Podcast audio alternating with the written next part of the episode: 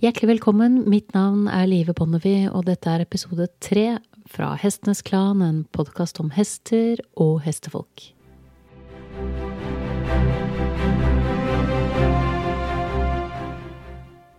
I dag velger jeg å starte episoden med en advarsel. Jeg kommer til å snakke om bakkearbeid og ridning som kan medføre for høyt risiko for skade, og jeg mener at du virkelig skal vite hva du gjør før du prøver å reprodusere noe av dette. Den gode nyheten er at jeg også kommer til å gi deg noen teknikker som hvem som helst kan ta i bruk, og som veldig fort vil kunne gjøre at du ser hesten din på en helt ny måte. For noen år siden ble jeg invitert til å delta i en paneldebatt på AEG, Arctic Equestrian Games. Temaet var Er dagens hestehold og sport på hestens premisser? Vi var seks i panelet, og samtlige hadde flere tiårs erfaring fra henholdsvis hestehold, ridning, kjøring og skoing. Og selv om vi var enige om det viktigste, at vi alle ville hestens beste, var vi som forventet ikke alltid like enige om hva hestens beste er. Mitt standpunkt når det gjelder ridning og hestehold er veldig enkelt oppsummert. What's in it for the horse? For etter hvert som årene har gått, så har det bare blitt klarere og klarere for meg hvor mye vi får av hestene, og ikke minst hvor langt de er villige til å strekke seg for oss, i form av både samarbeid og ytelse. Og parallelt med denne erkjennelsen har bare blitt mer og mer opptatt av hva vi gir hestene tilbake. Og da snakker jeg ikke om selvfølgeligheter som god kvalitet på oppstalling og utegang, fornuftig og smertefri hopleie, riktig fòring og stell, ei heller om vask, massasje, hydroterapi, kiropraktikk, solarium, walkie, tredemølle osv., osv. Nei, jeg snakker om hva vi gir dem tilbake i hestevaluta. Hesten er et beitedyr, et flokkdyr og et fluktdyr skapt for jevnt næringsopptak gjennom hele døgnet. Den er skapt for sosial interaksjon med artsfrender i stabile grupper og bevegelser over store områder, altså et liv som ligger milevidt fra oppstalling på boks og et treningsopplegg der du fokuserer på lydighet, kontroll og repetisjon. Mange hester lever dessverre en hverdag som består av nærmest total atskillelse fra artsfrender, men hestene trenger, akkurat som oss, fysisk nærhet. De trenger å ta del i hverandres pelsstell, klø hverandres rygg og vifte bort hverandres fluer. De trenger venner, samhandling og felles opplevelser. En hest som holdes alene, og står mye stille på avgrenset plass, før den plutselig er forventet å yte tett oppunder, eller til og med langt over sin fysiske kapasitet, er sårbar for både mentale og fysiske skader. Likevel er det mange som holder hester på denne måten, og forklaringen på hvorfor er mange. Men jeg er ikke så opptatt av hvorfor. Jeg er opptatt av på hvilken måte vi reflekterer over hva vi driver med, og ikke minst på hvilken måte vi kompenserer for det vi har tatt fra hestene våre. Det er viktig å huske at ridning for mennesker i dag først og fremst handler om rekreasjon. Man kan selvfølgelig leve av å drive med hest, men selv om det kanskje kjennes slik ut noen ganger, så står det veldig sjelden om livet i våre dager. Å drive med hest er først og fremst et valg vi har tatt, på hestenes vegne, og dette enkle faktum øker kravet til etikk og vårt moralske ansvar for hestenes velferd i betydelig grad. Jeg mener at det skylder hesten å stille høyere krav til vår egen kompetanse. Hvis du rir, kan du ikke være bekjent av å slurve med å tilegne deg kunnskap om hestens atferd, instinkter, fysiologi, anatomi, biomekanikk, bevegelsesmønster og kroppsspråk, for å nevne noe. Jeg savner rett og slett mer nysgjerrighet og en større grad av følsomhet med tanke på at alt vi gjør med hestene våre, setter både mentale og fysiske spor. La meg si litt om de fysiske sporene først. Det er bare to steder på hestens kropp der man kan finne sikre spor etter ridning under arkeologiske utgravninger. Ved å studere tennene, og i noen tilfeller ved å studere ryggen.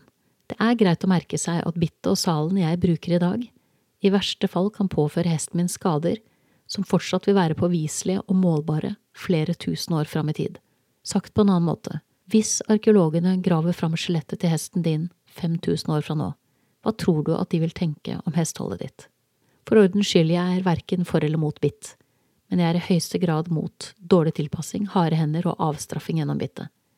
Jeg er verken for eller mot sal heller, men jeg er mot dårlig tilpassing, ubalansert sits og manglende følsomhet til tolkning av hestens svar på rytterens signaler. At alt utstyret vi bruker, passer hesten og brukes riktig, er avgjørende for å sikre god velferd. Det samme er kvaliteten på vårt overordnede hestehold. Det trenger ikke være så grådig hele tiden, Hesten er villig til å gi oss nær sagt hva som helst, hvis vi bare tar oss tid til å forberede den, spørre på en ordentlig måte og gi den tid til å svare. Jeg tenkte jeg skulle fortelle to anekdoter som handler om nettopp samarbeid og hestens vilje til å komme overens.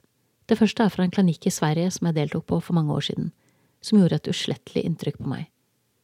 Der var det en trener som hjalp det mange ynder å kalle problemhester, som stort sett er vanlige hester som har krevende eiere og fått problemer som følge av det. Hesten som trengte hjelp, var en rød hest med hvite avtegn. La meg kalle ham Ludo. Ludo var dømt til et liv alene, ettersom han var svært aggressiv mot andre hester. Og da han ble sluppet inn i ridehuset med flere av de andre kurshestene, viste han med all mulig tydelighet at livet hadde lært ham å sparke først og spørre etterpå. Over tid hadde han tilsynelatende blitt mer og mer aggressiv, men ingen av menneskene rundt ham hadde fanget opp at aggresjonen hadde et utspring i en intens usikkerhet. Ludo var usikker på seg selv, og dermed ble han usikker på alle andre også. Tilnærmingsmåten som ble brukt var interessant og utfordret mange av deltakerne på kurset. For treneren ønsket hjelp av den vilkårlig sammensatte flokken som utgjorde klinikkens firbeinte deltakere. Og det var en underlig gjeng, for å si det pent. En grå islandshest, la meg kalle ham Mosi, fire–fem varmblodige hester av ulik rase, og høyt hevet over alle de andre en seks år gammel svart shirehest med hvit man og hale, som var målt nærmere to meter i mankehøyde og trolig veide godt over et tonn. Treneren startet med å legge et provisorisk hodelag laget av en grime med leietau på den lille islandshesten, hoppet opp på ryggen barbak og fikk satt flokken i bevegelse fra hesteryggen. Alle hestene løp noen runder, og Ludo fikk til fulle vist ord for han hadde kommet. Ørene hans lå flatt bakover, og han sparket vilt og bet etter alt og alle, unntatt skjærhesten, som han av naturlige årsaker holdt seg langt unna. Fra ryggen av islendingen fikk treneren byttet retningen på flokken flere ganger, og sørget hele tiden for å holde den i bevegelse. Men Ludo fortsatte å legge på ørene og bite og sparke etter alle hestene som kom i nærheten. Treneren bremset deretter flokken og brukte islendingen som krakk for å klatre opp på ryggen av skjærhesten i stedet. Det var et ganske spesielt syn, for islendingen Mosi hadde tydelig aldri hatt et menneske stående på ryggen sin før, men han forsto på et vis hva treneren ville, og lot seg manøvrere bort til skjærhesten, og begge hestene sto stille mens treneren byttet hest.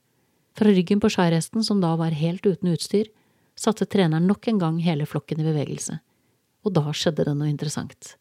Den lille grå islandshesten opererte nå nærmest som en border collie i en saueflokk, og gjetet Ludo som om det var et usynlig språk mellom han og treneren som satt på ryggen av den galopperende skjærhesten. Det var som om de hadde jobbet sammen i årevis. Det var samarbeid i sin reneste og mest uselviske form. Ludo fikk gjennom denne økten erfare hva det ville si å være hest igjen han var ikke alene lenger. Han var en del av en gjeng, og de løp sammen. Han var blitt et flokkdyr igjen, og alle spor av usikkerhet og aggresjon var som blåst bort. Og da flokken omsider sakket farten igjen, var han borte og hilste på alle de andre hestene, og alle spor av konfliktanferd og aggresjon var forsvunnet som dugg for solen. Den måten å møte hestene på, som ble gjort i det ridehuset i Sverige den ettermiddagen, er et sånt øyeblikk jeg tenker jeg aldri kommer til å glemme. Et øyeblikk som så tydelig viser hvor mye samarbeid og hjelp og oppmerksomhet og sosial intelligens som ligger hos disse hestene, særlig hvis de er oppdratt i flokk. Og ikke minst viste det hvor helbredende det er for hester å få snakke sitt eget språk igjen. Å bli aggressiv mot andre hester var ikke en idé Ludo suget av sitt eget bryst. Det var en naturlig konsekvens av at han ble holdt mer og mer isolert som følge av usikkerheten rundt de andre hestene, som igjen ble forsterket av menneskene rundt ham men under all usikkerheten var han fortsatt en hest, skapt for å løpe med andre hester, og da han fikk oppleve det igjen, fant han tilbake til seg selv som om han hadde vært der hele tiden. Den andre anekdoten er fra et nattlig ritt jeg hadde for mange år siden da jeg hadde en hest på fòr en gang i uken, og utforsket hva slags relasjon man kan ha med en hest når man rir den med seks dagers mellomrom. Er det mulig å plukke opp tråden og relasjonen selv om man ikke ser hverandre hver dag? Det var en mørk kveld, og stjernehimmelen var klar da jeg kom ut på ridebanen med islandshesten som jeg velger å kalle Hugi. En kveld da alt stemte og vi var 100% i synk. Og som en innskytelse tok jeg hodelaget av mens jeg satt på hesteryggen og red videre uten, en ting jeg pleide å gjøre med min gamle hest, men ikke hadde gjort siden han døde for flere år siden. Når du er ett med hesten på ordentlig, så utgjør det ingen forskjell om hodelaget er av eller på. Du trenger ikke å ha øvet inn nye signaler. Du er ett med hesten, og dere beveger dere som ett. At porten inn til banen sto på hvitt kap, hadde ingenting å si. For det er ingenting som tilsier at Hugi skal gå utenfor gjerdet. når vi er midt i en samtale innenfor.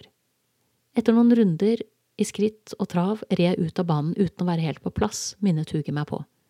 Rett utenfor porten mistet vi nemlig kontakten et kort sekund. Hugi tenkte at han skulle ned til beitet til venstre, og jeg tenkte vi skulle stikk motsatt vei, til høyre, bort til ovalbanen på den andre siden av gården. Når Hugi merket at kroppen min ikke fulgte av med flyt, stoppet han og ventet. Så skjønte han hvor jeg hadde tenkt meg, og gikk dit i stedet. Ikke fordi han var tvunget til det, men fordi vi var sammen om det. Vel ute på ovalbanen forsterkes mykheten som kommer fram i alle hester når de ikke har noe på hodet. Skrittene til Hugi skiftet karakter, og bevegelsen gjennom ryggen ble annerledes. Vi skritter nedover langsiden, og ørene hans spiller og han traver fordi vi er sammen om det. Og når jeg foreslår at vi snur og går tilbake, så er vi sammen om å vende også. Foran oss ligger det nå 200 meter snorrett grusbane tilbake mot stallen. Og jeg sitter og tenker at det hadde vært deilig med litt vind i håret mer enn litt vind, egentlig, gjerne strak galopp, og jeg sitter på en hest som gjerne galopperer når muligheten byr seg, så han fatter galopp fordi vi er ett, og fordi han allerede vet hva jeg har i tankene. Men han har det ikke travelt. En rolig galopp, tett opp mot middeltempo, er hans førstevalg. Det er litt den typen han er, og jeg vil ikke be om mer enn han er. Litt vind i håret er mer enn godt nok. Og jeg lytter til de tretaktige hovslagene hans mot grusen mens vi galopperer mot stallen under stjernene. Vi bryter til skritt når vi nærmer oss kortsiden av ovalbanen, og jeg er mer med ved denne porten enn da vi red ut av ridebanen. Han skjønner hvor jeg har tenkt meg nå, og tar meg opp til den nye stallen. Der stiger jeg av, takker for turen, og når jeg går inn stalldøren, følger han etter, fortsatt myk og mild. For meg er det dette som er ridning. Det må ikke nødvendigvis være uten utstyr, men det skal ikke veie mer enn en sommerfugl som letter fra hånden min. Hvis jeg skal gi deg et bilde på hesteholdet, som ligger til grunn for denne måten å være med hester på, så tror jeg nesten jeg må bruke en metafor. Tenk deg to planeter. Den ene er menneskenes verden, og den andre er hestenes verden. Og mellom disse to planetene har menneskene bygget en bro. Og jeg innså at jeg på starten av min karriere, med hestene, var et av disse menneskene som krysset den broa for å hente hesten over til menneskenes verden og ha den boende der. Mens jeg senere gjorde den øvelsen der å lete seg tilbake til brua, leie hesten tilbake til sin egen verden og heller møte den der.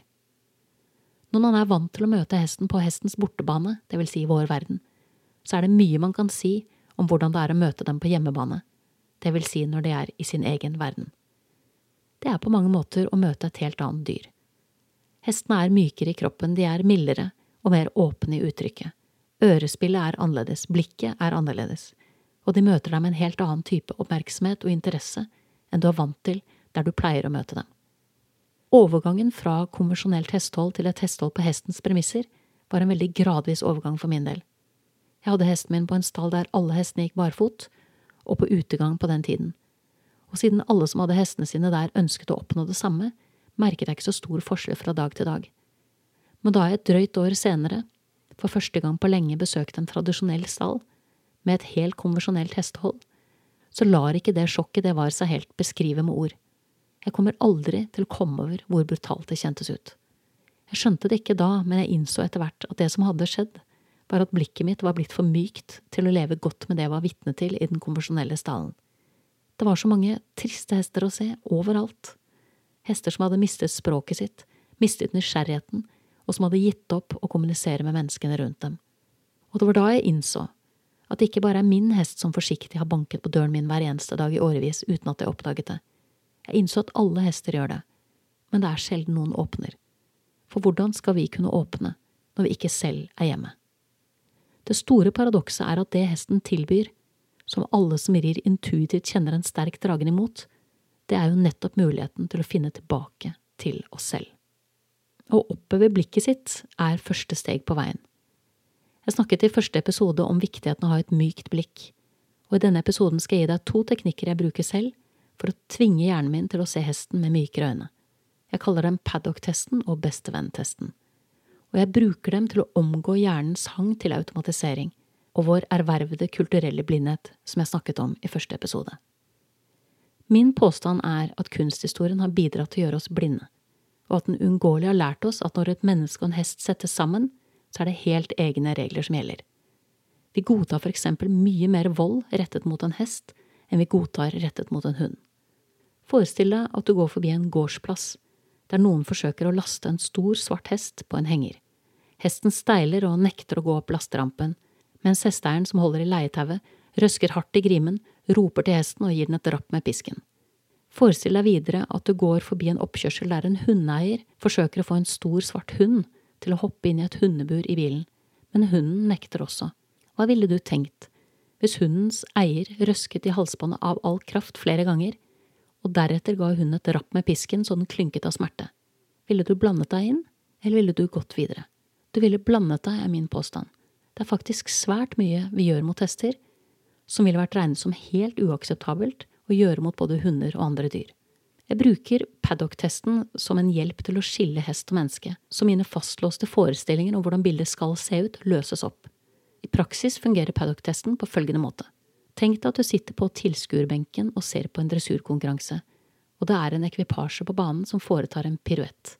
Oppgaven din blir å viske bort mennesket på ryggen, salen og alt utstyret, så hesten står alene og naken igjen som om den gjorde piruetten selv i en paddock uten noe menneske i nærheten. For først når du blir kvitt mennesket, er du i stand til å fullt ut vurdere to ting. Hvor naturlig faller øvelsen for akkurat denne hesten, og med hvilken kvalitet blir øvelsen gjennomført. For å svare på det første først. Med paddock-testen sjekker jeg alltid ut om det hesten utfører er noe den kunne funnet på å gjøre av seg selv, noe jeg mener er helt essensielt. Når det gjelder piruett, passasje, og faktisk også langt på vei piaff, om enn i mindre grad, så er alle disse øvelsene innenfor hestens naturlige bevegelsesmønster. Det er ikke uvanlig å se en hest utføre en hel, en halv eller en kvart piruett i gitte situasjoner. Ei heller er det uvanlig å se en hest som gjør seg lett på foten mens den danser fram i passasje. Og du kan også se domestiserte hester gjøre en piaff, hvis du har en svært energisk hest som står og tripper ved porten, for eksempel. Men mer naturlig enn det er det ikke, så her er vi i gråsonen. Så dette er det første jeg bruker paddock-testen til, å vurdere om det jeg forsøker å lære hesten min, gir mening eller ikke, ut fra hestens naturlige atferd. Forenklet kan man si at alt hesten har i seg fra før som kan foredles under rytter, er jeg for. Det som ikke faller inn under denne kategorien, er jeg mot. Så kommer neste spørsmål. Med hvilken kvalitet blir øvelsen gjennomført? Her er det gull verdt å viske rytteren helt bort og bare fokusere på hesten. For med rytteren på ryggen vil hjernen din spille deg et puss, akkurat som jeg snakket om i første episode. Du vil slite med å se hesten klart, fordi hjernen din ikke først og fremst ser en hest, den ser en ekvipasje, og opplever det som noe helt annet. Og hjernen din vil dessverre helt forlaktig mene at det er andre regler som gjelder, for det har kunsthistorien lært den. Men tvinger du hjernen din til å fjerne rytteren, da tvinger du samtidig øynene dine til å se hesten, virkelig se den, og da ser du ofte noe helt annet enn det du trodde. Det som under rytter så ut som en fin piruett, ser plutselig seigt, urytmisk og tilkjempet ut.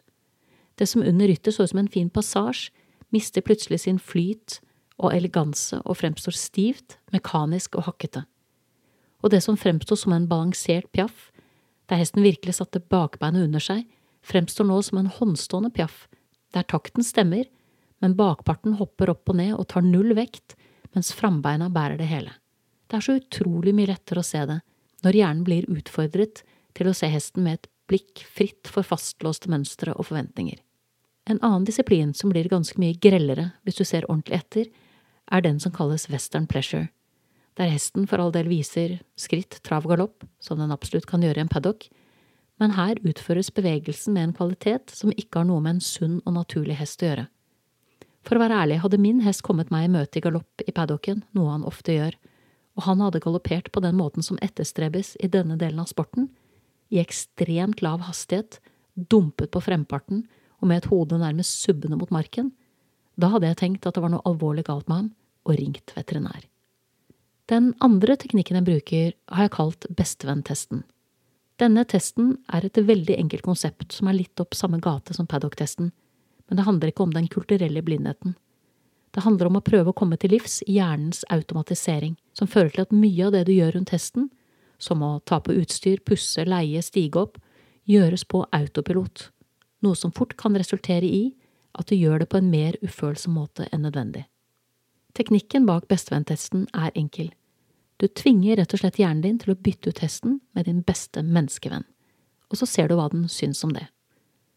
Det første som vil skje, er trolig at hjernen din protesterer og kaller det meningsløst, for bildet av bestevennen din i hestens sted bryter med alle hjernens forventninger. Du ville jo aldri puttet et bitt inn i munnen på din bestevenn, og du ville jo aldri stengt din bestevenn inn i en boks om natten og gått din vei. Nei, nettopp, så hvis du likevel gjør dette mot en annen du påstår er en god venn, nemlig hesten din, så er det på tide å stoppe opp og reflektere litt. Reflekter litt over hvordan disse tingene gjøres mot hesten. Hvor rent er bittet? Er det temperert riktig før du putter det inn i hestens munn? Er det tilpasset riktig så det ikke skaper mer ubehag enn nødvendig? Hvordan bruker du egentlig tøylene? Hvor hardt drar du i dem, eller drar du i dem i det hele tatt? Kanskje bruker du litt tid på å finne ut om det er andre måter å kommunisere på hvis du sitter på ryggen av din beste menneskevenn så du slipper å ta i tøylene i det hele tatt. Min gjett er at du i det minste ville brukt tid på å avtale alle signaler på forhånd, så kommunikasjonen gjennom tøylen skulle bli så mild og presis som mulig. Akkurat samme mål som bør etterstrebes med hesten din. Og hva ville skjedd dersom du sperret din beste venn inn i en boks for natten? Vel, jeg tipper og håper at du ville vært veldig nøye med å sjekke at vennen din hadde tilgang til rent vann. Og jeg håper og tror at du ville vært minst like nøye med å forsikre deg om at det var rent i selve boksen. Trolig ville du også vært ganske nøye på at det var en forutsigbarhet i forhold til når bestevennen din skulle slippe ut igjen, så belastningen med å være innestengt ikke ble større enn nødvendig. Dette er to veldig enkle teknikker, som tvinger deg til å se noe annet enn det du så før, og som potensielt ikke bare kan gi deg et mykere blikk, men også bidra til at du både vurderer og revurderer valg av utstyr, valg av trening og ikke minst valg av forbilder. For dypest sett ser du aldri mer enn det blikket ditt er trent til å se, og hvis du har et utrent blikk, blir du fort både blind og døv for det som faktisk er hestens språk.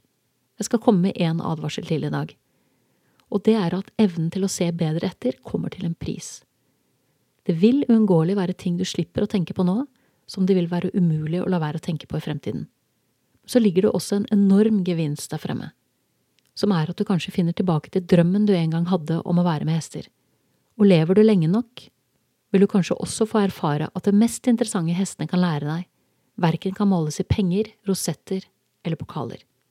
Det viktigste de kan lære deg, er mye mer verdt enn det. Jeg tenkte jeg skulle avrunde denne episoden med en siste anekdote, som er egnet til å illustrere forskjellen på hestens verden og menneskenes verden i det virkelige liv for tilbringer du tid med hester der de tilbringer sin fritid, så vil de slutte å betrakte deg som en inntrenger eller som en gjest, og i stedet begynne å betrakte deg som et medlem av flokken. Dette er noe jeg har gjort mye gjennom årene jeg har tilbrakt med hester. Jeg møter dem typisk på et beite der hele flokken går ute, og tilbringer bare tid sammen med dem, uten å ha noen agenda, og det du vil erfare, er at hvis du gjør dette noen ganger, så vil ikke hestene lenger nøye seg med å heve hodet og spise videre når du kommer ut på beite. De kommer deg i møte, og de tar deg imot som en gammel venn. Og det er nettopp det som skjer denne konkrete morgenen. Det er fem hester som går på beite, og fire av dem kommer og tar meg imot. Den femte har allerede begynt på formiddagsgjestene og står og halsover. Når jeg har hilst på alle hestene som er våkne, setter jeg meg rundt ti meter fra hesten som allerede har begynt å halsove, og så fortsetter jeg prosessen jeg allerede påbegynner på vei til stallen, prosessen med å tømme hodet for tanker, noe et moderne menneske har veldig godt av å gjøre innimellom. Og det jeg har erfart som den mest effektive måten å gjøre det på, er å fokusere på et eller annet i naturen. Og denne morgenen husker jeg at jeg valgte et kronblad som var dekket av morgendugg. Og så holder jeg bare fokuset på bladet til hodet mitt er stille nok til at hestene kan forholde seg til meg på en helt annen måte. Og det første som skjer når hodet mitt er tomt, er at hesten min kommer bort til meg og stiller seg ved siden av meg, noe han ofte har gjort når jeg setter meg ned i gresset og har en slags morgenmeditasjon med hestene. Men denne dagen legger han mulen sin tett inntil hodet mitt på venstre side. Ikke med noen tyngde, bare en lett og myk berøring, der jeg kan kjenne følehårene hans, varmen fra pusten og den silkemyke mulen. Og mens jeg sitter sånn, hører jeg at det rasler på min høyre side, og så ser jeg øyekroken at det kommer en hest til, og den legger mulen sin inntil hodet mitt på den andre siden. Og så sitter jeg der, med en varm og myk hestemule mot hver side av hodet. Jeg blir sittende helt stille og gjør ikke annet enn å sanse og å være. Så trekker den andre hesten seg tilbake, og hesten min legger seg ned rett ved siden av meg.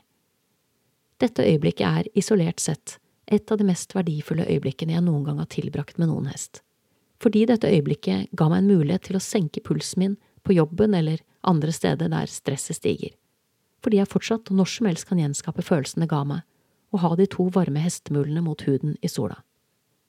Gaver som dette er det min erfaring, at hester flest øser utover oss da vi møter dem der hvor de er. Og for noen år siden kom jeg til en erkjennelse om at jeg har lyst til å bruke resten av den tiden jeg tilbringer med hester, til å prøve å øse tilsvarende gaver tilbake til dem. Du har nettopp hørt episode tre fra Hestenes Klan, en podkast om hester og hestefolk. Takk til min faste komponist Fredrik Blom, og sist, men ikke minst takk til deg, kjære lytter, for tålmodigheten. Måtte hesten for alltid være med deg.